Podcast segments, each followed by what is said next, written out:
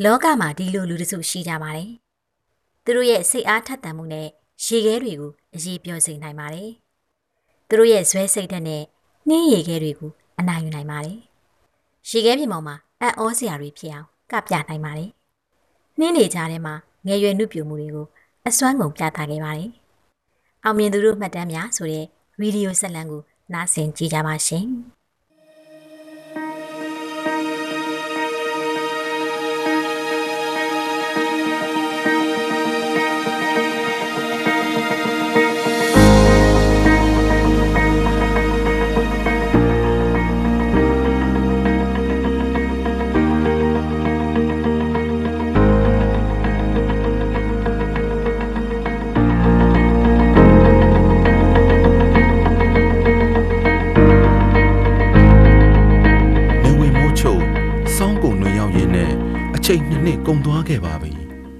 တကျင်ရဲ့ရလဒ်ဟာ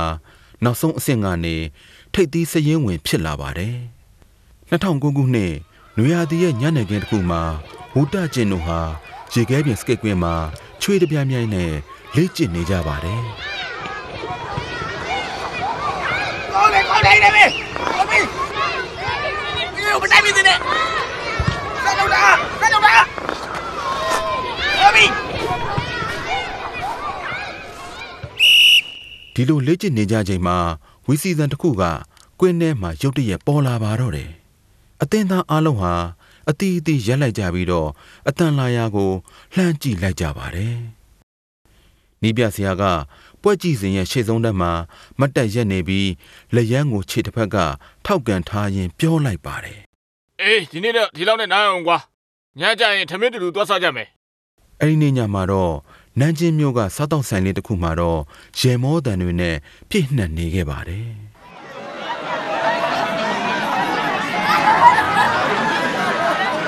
ဟင်းလျာစုံစုံလင်းလင်းရှိလောက်တဲ့အခါမှာနီးပြဆရာကရှေ့မှာချထားတဲ့အရက်ခွက်တဲကိုဘီယာအပြစ်ထည့်လိုက်ပြီးတော့မှမတ်တက်ရက်လိုက်ပါတယ်ဒီတစ်ခွက်တော့ဆရာမောလိုက်မယ်မင်းတို့လည်းတောက်လို့ရတဲ့သူငါနဲ့အတူတူဘီယာလိုက်တော့ပေါ့မတောက်တတ်တဲ့သူကကိုကာကိုလာတောက်ပေါ့ကွာ။အကစားသမားတွေဟာ နီးပြဆရာစကားပြောတဲ့ကိုကြားလိုက်ရတော့ရေမောစကားပြောနေတာတွေကိုရက်လိုက်ကြပါတယ်ဒီနေ့ကဆရာတို့ရဲ့နောက်ဆုံးမိတ်ဆုံစားပွဲပေါ့။နီးပြဆရာရဲ့စကားအဆုံးမှာစားတော့ဆိုင်တစ်ခုလုံးရုတ်တရက်တိတ်ဆိတ်သွားပါတော့တယ်မင်းတို့လည်းသတရင်ကြားပြီးရင်ကြားပြီးလောက်ရောပေါ့ကွာဆရာတို့ကြန့်ဆူးပြင်းနေရေခဲပြင်စကိတ်စီအသင်းဖြတ်သိမ်းရတော့မယ်လောကမှာမခွဲခွာရတဲ့လူဆိုတာမရှိပါဘူးခါတိုင်းမင်းတို့ပေါ်မှာ ဆရာစီကံကြည့်ရင်ကြီးလိမ့်မယ်ဆရာကိုသိလေအညှို့မထားကြနဲ့ပေါ့ကွာဆရာတို့ဒီမှာလာဆုံပြစ်ကြတယ်ဆိုတာလေရေးဆက်ပါလို့ပေါ့ကဲဆရာရင်မောလိုက်တော့မယ်။နီးပြဆရာကဘီယာခွက်ကို အကုန်မော့တောက်လိုက်ပါတော့တယ်။ဝုဒကျင်ဟာခါတိုင်းအချိန်တွေမှာတော့လေ့ကျင့်ရေးပဲအာယုံစိုက်ခဲ့ပြီးတော့ကျန်တဲ့ကိစ္စကိုတိတ်ဆိတ်မဝင်စားခဲ့ပါဘူး။ ဒီနေ့ထမင်းဝိုင်းမှာရေခဲပြင်စကိတ်စီအသင်ဖြတ်သိမ်းရတော့မယ်လို့ကြားလိုက်ရတဲ့အခါမှာတော့ကိုကာကိုလာခွက်ကင်ထားရင်းနဲ့ကြောင်အံ့သွားပါတော့တယ်။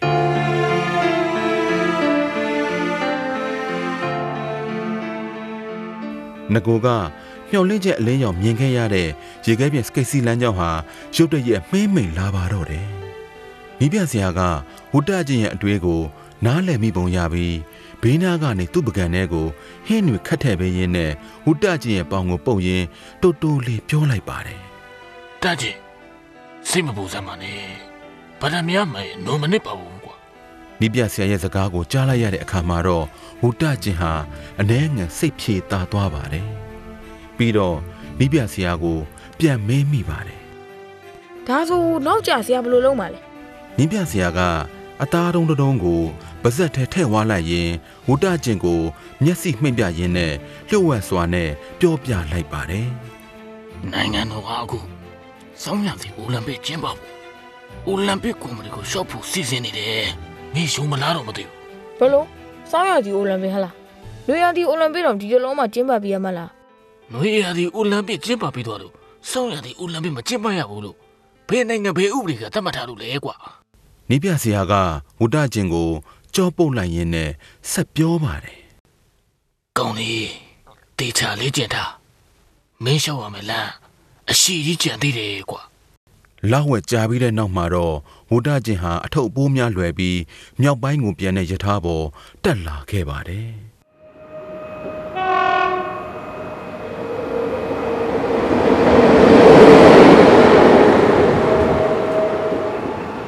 မိရထားကရှစ်လျားသောနန်းကျင်းရန်စီမြစ်တရားကြီးပေါ်ခုံမောင်းသွားရင်းနဲ့အနှဲငယ်ကွေ့ဝိုက်တဲ့တရားဥပစာကနေဖြတ်တန်းသွားရပါတယ်။ဝုဒ္ဒကျင်ဟာ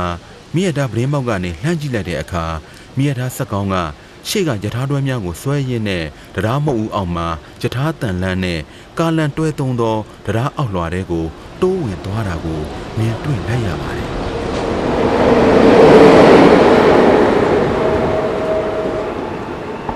ဝုဒ္ဒကျင်ဟာအလန်ဒီပုံတရံစောက်ထားတဲ့တရားမုတ်ဦးကိုပထမအဦးဆုံးအကြိမ်မြင်တွေ့လိုက်ရချိန်ကလွန်ခဲ့သောနှစ်နှစ်တုန်းကပဲဖြစ်ပါတယ်အဲ့ဒီအချိန်တုန်းကဝုဒ္ဒကျင်ဟာပိန်ပိန်လှီလှီနဲ့ယောက်ျားကလေးတစ်ယောက်ပဲရှိပါသေးတယ်အခုနန်းချင်းကပြန်ထွက်သွားချိန်မှာတော့ဝုဒ္ဒကျင်ဟာထောင်ထောင်မောင်းမောင်းနဲ့ဆယ်ကျော်သက်လူငယ်တစ်ယောက်ဖြစ်နေပါပြီဝုဒ္ဒကျင်လိုက်ပါလာတဲ့မြည့်ထားဟာ တရုတ်နိုင်ငံအရှေ့မြောက်ဘက်မှာတည်ရှိတဲ့ကြည်လင်ပြည်နယ်ရဲ့ပြည်နယ်မြို့တော်ချန်ချွန်းမြို့ကိုရောက်လာခဲ့ပါတယ်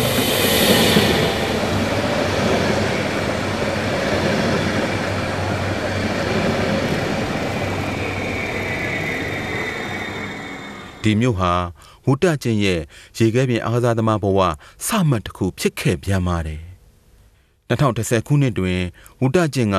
ပြည်တွင်းတာတိုရေခဲပြင်စကိတ်စီးပြိုင်ပွဲမှာဒုတိယဆုကိုရရှိခဲ့ပါတယ်အဲ့ဒီနှစ်မှာတော့သူဟာအသက်16နှစ်ပဲရှိပါသေးတယ်တနေ့မှာတော့ဖုံးခေါ်ဆိုမှုတစ်ခုကဝုတ္တကျင်းရဲ့ဘဝလမ်းကြောင်းကိုနောက်တစ်ကြိမ်ပြောင်းလဲသွားစေခဲ့ပါတယ်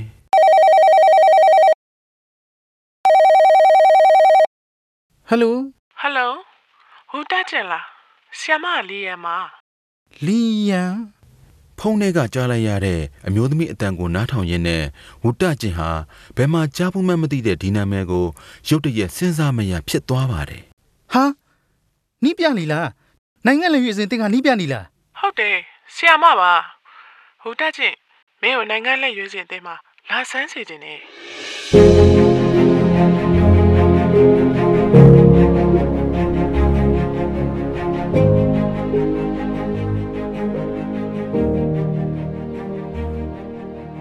ယန်ဆိုသူက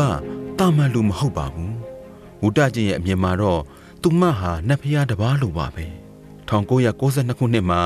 လီယန်ဟာတရုတ်နိုင်ငံကိုကိုစားပြုပြီးတော့စောင်းရသည့်အိုလံပစ်ရဲ့တာတိုရေခဲပြင်စကိတ်စီးပြိုင်ပွဲရဲ့ပထမဦးဆုံးရွှေတံဆိပ်ဆုကိုရယူပေးခဲ့ဘူးပါတယ်။လီယန်ဟာအာသာသမားဘဝမှာအနားယူပြီးတဲ့နောက်မှာတော့နိပြအလုပ်ကိုလုပ်ကင်ခဲ့ပါတယ်။ စလိုဗကီးယားအသင်းကိုဥရောပတိုက်နှင်းရီခဲအားကစားပြိုင်ပွဲတွေမှာထိပ်တန်းဝင်ဖြစ်အောင်ဥဆောင်ပေးခဲ့ပါတယ်။နောက်တော့အမေရိကန်အသင်းကိုနီးပြပေးခဲ့ပြီးအမေရိကန်အားကစားသမားတွေကို2006ခုနှစ်တူရင်အိုလံပစ်ကအမျိုးသားမီတာ900ပြိုင်ပွဲရဲ့ချန်ပီယံဖြစ်အောင်လဲပြိုးထောင်ပေးခဲ့ပါတယ်။ဝုဒ္ဒကျင်ဟာ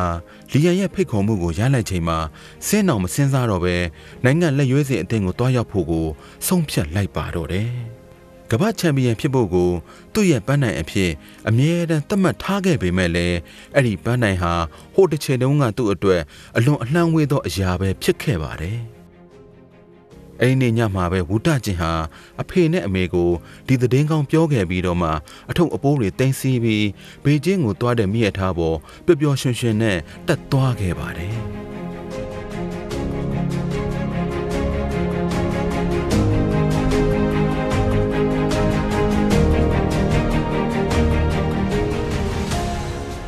ဒါပေမဲ့သူ့ကိုစောင့်ဆိုင်နေတဲ့အရာကသူ့စိတ်ကူးတွေကလိုပန်းစည်းပန်းကုန်းတွေနဲ့ဆုတစိတ်တွေမဟုတ်ခဲ့ပါဘူး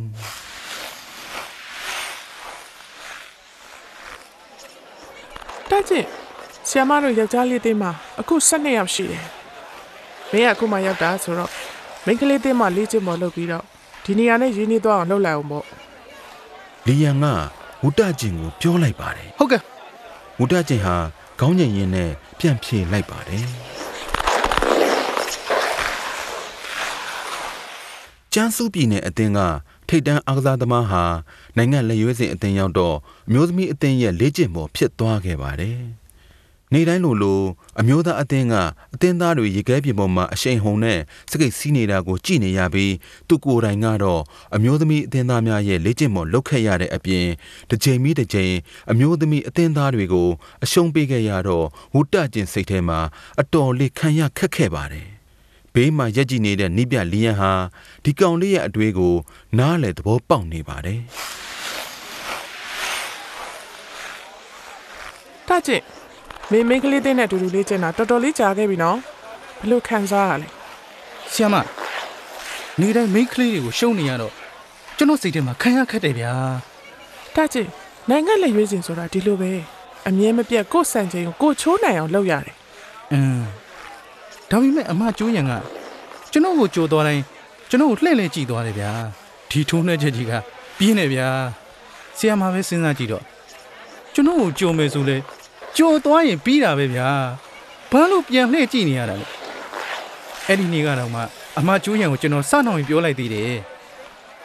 အမကျွန်တော်အမြဲလိုက်မကြည့်နဲ့ဗျာလို့ထက်ကြည့်ရင်ကျွန်တော်စိတ်ဆိုးမှာနော်လို့အရှိတ်မြောက်သားလေးရဲ့ဟာတာနှော်ပြောတတ်တဲ့လေတံကြောင့်မိပြလီယန်ဟာရဲမိလိုက်ပါတော့တယ်ဆီယမကျွန်တော်စကိတ်စီးနီးပြောင်းကျင်နေမင်းဘလို့စဉ်းစားထားလဲကိုယ်စံချိန်ကိုချိုးဖို့ ကိုယ်အသိစိတ်နဲ့ပြောလာတဲ့အတင်းသားအပေါ်လီယန်အရန်လေးစားမိပါတယ်ဒီလိုနဲ့သူတို့နှစ်ယောက်ဟာအရင်တုန်းကဝုတကျင့်ရဲ့လေ့ကျင့်ရေးနဲ့ပြန်မွဲဗီဒီယိုမှတ်တမ်းများကိုအစကနေပြန်ကြည့်ကြပါတော့တယ်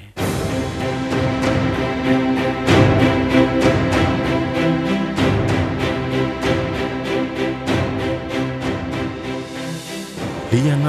သူ့ရဲ့လှုပ်ရှားမှုကို ကမ္ဘာထိပ်တန်းဝင်အားကစားသမားများရဲ့လှုပ်ရှားမှုနဲ့နှိုင်းယှဉ်ပြခဲ့ပြီးတော့လှုပ်ရှားမှုတိုင်းကိုအသေးစိတ်ခွဲခြမ်းစိတ်ဖြာပြခဲ့ပါတယ်။အဲ့ဒီအချိန်ကစပြီးမနက်တိုင်းမှာဝုတကျင်ဟာလေ့ကျင့်ရေးကွင်းထဲသို့ပထမဦးဆုံးရောက်သူဖြစ်လာခဲ့ပါတယ်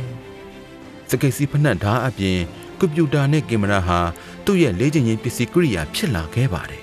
။လေ့ကျင့်ရေးနဲ့ဗီဒီယိုမှတ်တမ်းတင်တဲ့အပြင် မကြမကြလေ့ကျင့်ရေးနားပြီးတော့ပြန်ကြည့်တတ်ပါတယ်။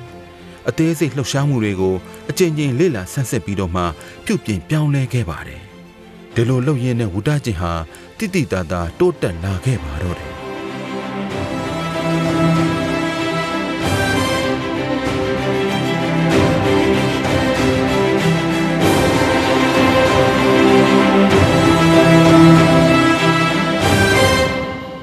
2013ခုနှစ်အောက်တိုဘာလမှာဝုတကျင်ဟာ တာတိုရေခဲပြန်စကိတ်စီ တောင်ကိုရီးယားအုပ်စု ကမ္ဘာဖလားပြန်ပွဲက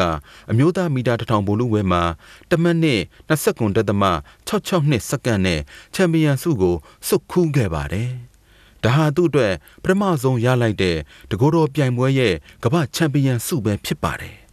2014ခုနှစ်ရဲ့ဆိုချီစောင်းရသည့်အိုလံပစ်ပွဲတော်ဟာဝုတကျင်းရဲ့ပထမအဦးဆုံးအကြိမ်ဝင်ရောက်ရှင်ပြိုင်သောစောင်းရသည့်အိုလံပစ်ပွဲတော်ပဲဖြစ်ပါတယ်။လူတစ်တစ်ယောက်အနေနဲ့သူဟာမီတာ900ပြိုင်ပွဲရဲ့ဒုတိယဆုမီတာ9000လက်ဆင့်ကမ်းပြိုင်ပွဲရဲ့တတိယဆုနဲ့မီတာ1000ပြိုင်ပွဲမှာတော့စတုဒ္ဓအဆင့်ရရှိခဲ့ပါတယ်။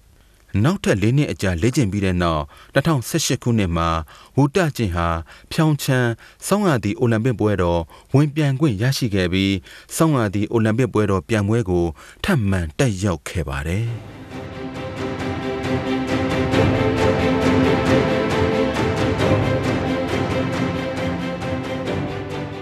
2018ခုနှစ်ဖေဖော်ဝါရီလ3ရက်နေ့တရုတ်နိုင်ငံကိုစားပြုအဖွဲ့ဟာ ဖြောင်းချန်ဆောင်းရသည့်အိုလံပစ်ရဲ့ရွှေတံဆိပ်စက္ကူးရန်နေရာနှစ်နေရာကိုရောက်လာခဲ့ပါတယ်။ပထမတနေရာကအမျိုးသားတာတိုရေခဲပြင်စကိတ်စီမီတာတစ်ထောင်ပြိုင်ပွဲပဲဖြစ်ပါတယ်။နောက်တနေရာကတော့အမျိုးသမီးတာတိုရေခဲပြင်စကိတ်စီမီတာ900ပြိုင်ပွဲဖြစ်ပါတယ်။အထူးသဖြင့်အမျိုးသမီးတာတိုရေခဲပြင်စကိတ်စီမီတာ900ပြိုင်ပွဲကိုတရုတ်အသင်းဟာ၄ချိန်ဆက်တိုက်ဆောင်းရသည့်အိုလံပစ်မှာချန်ပီယံလူယူထားနိုင်ခဲ့ပါတယ်။ ယခုအချိန်အိုလံပစ်ပွဲတော်မှာတော့၅ချိန်ဆက်တိုက်ချန်ပီယံလူယူမှုကိုမျှော်လင့်ချက်မသေးပါဘူး။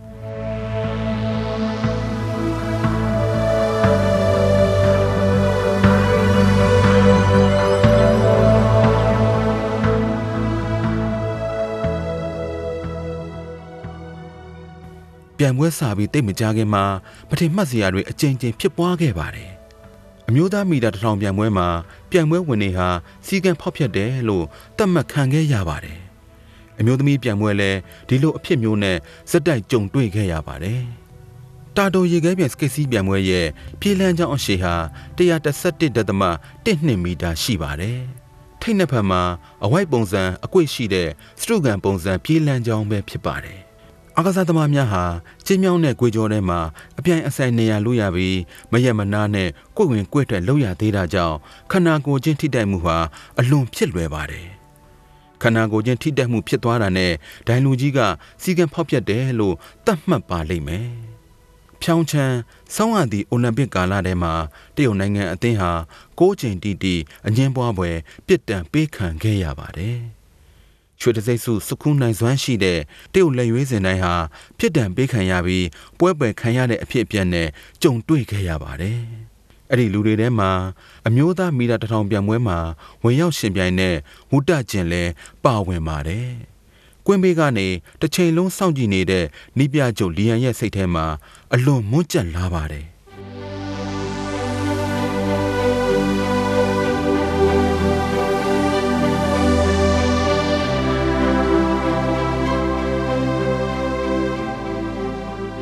2018ခုနှစ်ဖေဖော်ဝါရီလ22ရက်နေ့မှာဖြောင်းချမ်းစောင်းရသည့်အိုလံပစ်ပွဲတော်စတင်ကျင်းပခဲ့တာ12ရက်ရှိခဲ့ပါပြီ။နောက်၄ရက်ဆိုရင်အခမ်းအနားပိတ်သိမ်းတော့မှာပဲဖြစ်ပါတယ်။တရုတ်နိုင်ငံကိုစားပြုအသင်းတစ်ခုလုံးကချွေတစိမ့်စုတစုတောင်မရသေးပါဘူး။နောက်တနေ့ဟာဝုတ္တကျင်ရဲ့မီတာ900ဘိုလူဝဲနဲ့မီတာ9000လက်စစ်ကမ်းပြိုင်ပွဲရှင်ပြိုင်ရမယ့်နေ့ပဲဖြစ်ပါတယ်။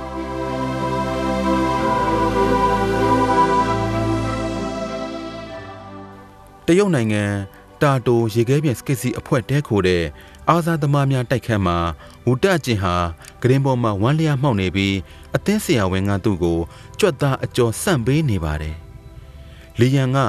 ဘေးမှရက်နေပြီးတော့အသင်းဆရာဝန်ကအားထည့်လိုက်တိုင်းဝူတကျင်မှာတော့ချွေးတလုံးလုံးနဲ့နာကျင်နေသောအမူအရာကိုရက်ကြည့်နေပါတယ်ဆီယမနှက်ပြန်ပြိုင်ပွဲကို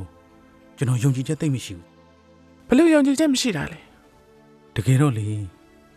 ဒီကုမလာခင်တုန်းကကျွန်တော်ယုံကြည်ချက်တော်တော်ရှိခဲ့တာဒါပေမဲ့ဒီတစ်ခေါက်အိုလံပစ်ပြိုင်ပွဲမှာကျွန်တော်တို့တရုတ်အသင်းကဖောင်းဖြစ်တာတိတ်များလွန်းနေတယ်လို့ဆီယမမထင်မိဘူးလား။လီယန်ဟာဝန်ထိုင်လိုက်ပြီးတော့တတ်ချင်းအားကောင်းမောင်းတာနဲ့ဘဝမှာဖြည့်ရှင်းချက်ပေးစရာမလိုဘူးဒီစကားရဲ့အတိတ်ပဲကိုမင်းနားလဲလားဗျာဘာအဓိပ္ပာယ်လဲသူများကမင်းကိုအဖြစ်ရှာနေလဲလို့မင်းထင်လိုက်တာကမင်းကိုအဖြစ်ရှာဖို့အတွက် သူတို့မင်းအခွင့်အရေးပေးလိုက်ပြီလို့ပဲလီယန်ကဝုတကျင်ကိုတေးသေးချာချာစိုက်ကြည့်လိုက်ပြီးတကယ်လို့မင်းမအင်အားလုံလုံလောက်ရှိနေကို့အဆွမ်းစားနဲ့ပြိုင်ဘက်ကိုလုံးဝအလဲထိုးပစ်လို့ရတယ်မင်းကိုအပြစ်ရှာပေးဖို့သူတို့လုံးဝအခွင့်အရေးမပေးရင်ဘယ်သူမှမင်းကိုဘာမှလုပ်လို့မရဘူးအသင်းဆရာဝန်ကဒီအချိန်မှာ ဝုတကျင်ရဲ့လက်မောင်းနှစ်ဖက်ကိုအနောက်သို့အဆုံးစွန်အထိဆွဲဆန့်လိုက်ရာဆုရှတဲ့နာကျင်မှုတွေနဲ့အတူလီယန်ရဲ့အာပါပါနဲ့ပြောလိုက်တဲ့စကားတွေဟာလျှက်စီးချောင်းတွေလိုဝုတကျင်ရဲ့အုံနောက်အတွင်းထဲသို့ဝင်ရောက်သွားပါတော့တယ်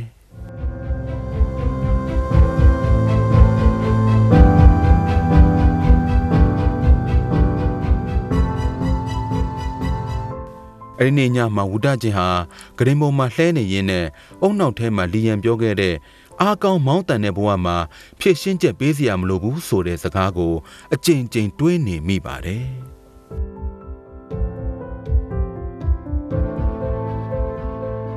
ကော်ရဒါရဲ့အစွန်းတစ်ဖက်ကလီယန်ရဲ့အခန်းမီဟာညတကောင်နှစ်နာရီအထိမီးလင်းနေခဲ့ပါတယ်။ဂရင်ပေါ်မှာလှဲနေပေမဲ့လီယန်ဟာဘလို့မှအဲ့လိုမပြောခဲ့ပါဘူး။